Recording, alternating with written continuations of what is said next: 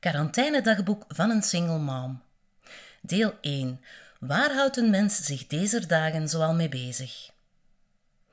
Net wanneer iedereen tijdens deze verplichte lockdown zijn of haar meest creatieve ziel bovenhaalt, liedjes zingt, filmpjes maakt, de natuur fotografeert, quarantainedagboeken deelt enzovoort, ligt mijn blog stil. Moet ik dan altijd dwars liggen? Daar heeft het niet zozeer mee te maken, of toch maar een heel klein beetje. Wilde niet de zoveelste zijn die met een quarantainedagboek begint te zwaaien. Toch gezwicht? Tja, het is gewoon moeilijk om in deze bizarre tijden onderwerpen aan te snijden die ik voor ogen had. Over dat virus zelf wil ik het niet hebben, daar worden we genoeg mee om de oren geslagen. Maar waar houdt een mens zich deze dagen dan zoal mee bezig? Dus ja, toch een quarantainedagboek.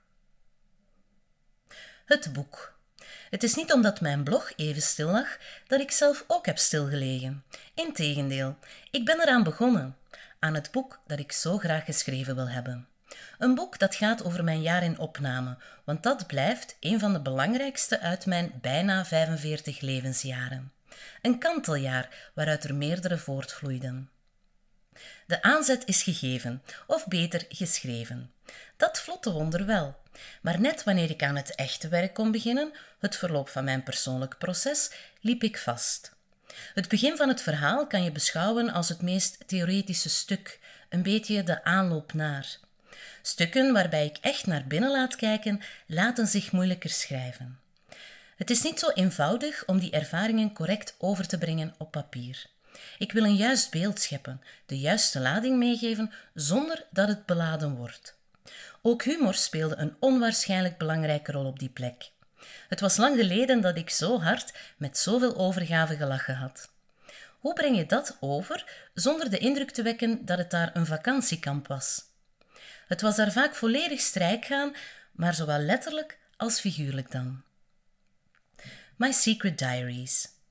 Het was letterlijk jaren geleden dat ik ze nog onder ogen kwam, die geheime dagboeken van mij. Waarom ze zo plots terug een opwachting maakten in mijn gedachten, ook daar zat de aanzet van het boek voor iets tussen. Die leidde me naar de meest gestelde vraag, zeker in het prille begin van je opname. Hoe ben ik hier in hemelsnaam beland?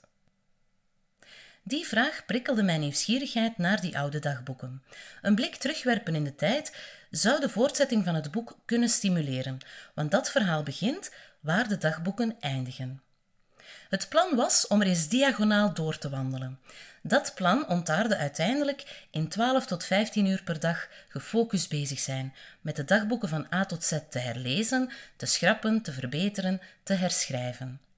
Het was een aparte ervaring, zeker omdat de rode draad in die schrijfsels de liefde is.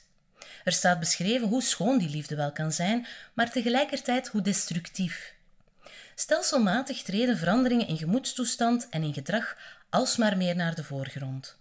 Achteraf gezien waren de signalen die de crash voorspelden overduidelijk. De geheime dagboeken herlezen bleek geen slecht idee. Nadien had ik enkele dagen nodig om ze van mij af te schudden, dat wel, maar dat is niet ongebruikelijk met creatieve fases waarin ik me heel intensief smijt. Ik had de afspraak gemaakt met vriend P dat ik bij de eerste traan die vloeide onmiddellijk zou stoppen met reviseren. Het had gekund, maar het gebeurde niet. Ik zou liegen mocht ik beweren dat niks mij nog raakte. Het was tenslotte wel grote liefde. Maar huilen deed ik niet. Geen enkele traan. Vriend P zei achteraf: er was een risico aan verbonden, maar het mondde uit in het beste bewijs dat je het echt verwerkt hebt. Tijdens die revisie besefte ik dat er nog een belangrijke reden was dat ik vastzat met schrijven aan het boek. Als ik echt een adequaat beeld wil scheppen over mijn jaar in opname, kan ik niet zomaar om mijn toenmalige relatie en relatiebreuk heen fietsen.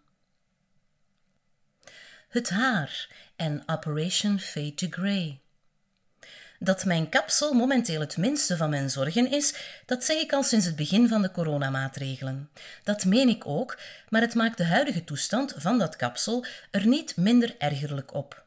Een kappersbezoek drong zich eigenlijk al op voor de maatregelen, omdat mijn krullen onhandelbaar werden. Ondertussen zijn ze ook begonnen met het uitoefenen van een zijwaartse beweging, waarbij ze overhellen naar één kant. Moet wel zeggen dat ze consequent de linkerkant kiezen. Hoe het ook zij, dat zorgt ervoor dat ik er tegenwoordig vaak uitzie alsof ik recht uit de jaren tachtig kom aangewaaid. Soms komt zo'n lief thuis en zegt: Oh, heb ik iets gemist? Zijn we in de ethisch beland? Ik zeg het wel vaker: een kind met humor, het blijft een zegen. Laatst zei Yves: Jij gaat toch bijna nooit naar de kapper? Heel weinig, ja. Ik doe dat echt niet graag. Maar dat wil ook zeggen dat het, die twee keer per jaar dat ik toch ga, echt nodig is. Die grens van noodzaak zijn we nu al een tijdje voorbij gegroeid. Mijn harenkleuren doe ik al jaren zelf, één keer per maand, want van mijn oorspronkelijke zwarte haren is weinig spoor meer. Ik besloot om, zolang de lockdown duurt, mijn lokken niet te verven. Die uitdaging werd volmondig aangemoedigd door vriend P. Die probeert me al langer te overtuigen om het kleuren eens te laten. Hij is ervan overtuigd dat mijn grijze haren me goed zouden staan. Donderdag is winkeldag. Tijdens de nacht van woensdag op donderdag begint de miserie al. Slaap slecht, lig de hele nacht te woelen. Wanneer de wekker gaat, raak ik dan weer amper uit mijn nest. Toch lukt het me, want ik zal op tijd zijn. Op mijn zelf opgelegde tijdstip is dat dan. Deze coronatijden zorgen ervoor dat ik zowaar een zekere vorm van discipline en planning ontwikkel. Al geef ik toe dat we nog in de beginfase zitten. Wanneer zo'n lief me op donderdag ziet thuiskomen met mijn boodschappentassen, vraagt hij telkens: Wat hebt jij weer allemaal gekocht? Maar stelt zich daar voor de rest geen vragen meer bij. Hij weet al dat er af en toe vreemde aankopen tussen zitten, wanneer je mij alleen loslaat in supermarkten in tijden van angsten en crisissen. Zo'n lief is al lang blij dat mama terug dagelijks kookt. Dolgelukkig is hij daarmee. Door maar één keer in de week boodschappen te doen, moet ik wel een of andere planning voorop stellen en dus kook ik terug bijna elke dag. Als ik mijn kind zie genieten van homemade food, dan maakt dat die quarantaine ook weer wat draaglijker. Maar om misverstanden te vermijden, ik haat winkeldag. Aperitieven op vrijdag. Sinds enkele weken hebben we met een bepaald groepje vrienden, de homies, op vrijdag om 5 uur vaste afspraak om samen te aperitieven. Dat gebeurt via videochat, dus allemaal braafjes vanuit ons kot. Nooit gedacht dat ik me zou wagen aan dat videochatten en nooit gedacht dat ik er nog naar zou uitkijken ook. Het doet altijd deugd om iedereen even te zien, wat te praten, te lachen, te zeveren, herinneringen ophalen en fantaseren over terrasjes doen en toekomstige dansfeestjes. Elke vrijdag wordt ook even de balans opgemaakt van Operation Fade to Grey. We zijn ondertussen de 2 centimeter al ferm ontgroeid. Oneerbare voorstellen. Wat kan ik daarover zeggen? Ze zijn er. Ik was niet van plan om het onderwerp aan te snijden, maar toen vertelde een vriendin me, een beetje verbaasd, dat ze een oneerbaar voorstel kreeg uit onverwachte hoek. Het is blijkbaar een steeds vaker voorkomend fenomeen in deze coronatijden. In detail ga ik niet treden, in dit geval om de minder onschuldigen te beschermen, maar er dienden zich verrassende aanbiedingen aan. Heb telkens vriendelijk bedankt, maar zal het zien als een ego-streeltje? Een kleintje dan, want ik ben vast niet de enige optie die werd overwogen.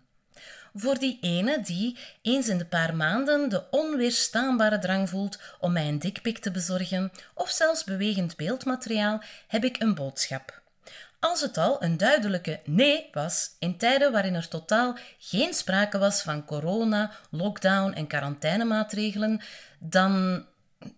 Puntje, puntje, puntje. I rest my case. Ik stel voor dat jij je zaakje ook laat rusten. De Michel. Ik leerde Michel kennen toen hij een tijdje geleden op zoek was naar mensen die wilden getuigen over een burn-out. Ik reageerde op zijn oproep en niet veel later spraken we af. Ik voelde mij direct op mijn gemak bij deze man, waardoor het gesprek vlot verliep. Naast zijn andere activiteiten is hij loopbaancoach. Op het moment van onze ontmoeting kwam ik net terug in aanmerking voor loopbaanbegeleiding, dus wilde ik die heel graag bij hem volgen. Dat was de juiste keuze. Raad het iedereen aan. Veel geleerd van Michel. Sindsdien hebben we nog regelmatig contact.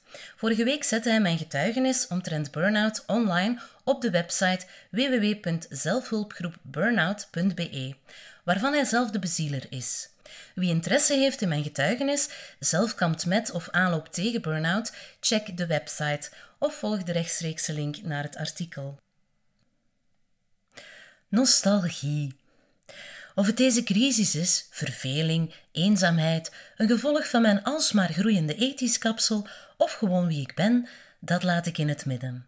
Maar mijn nostalgische ik neemt duidelijk het voortouw deze dagen. Maar dat is voor een volgende keer.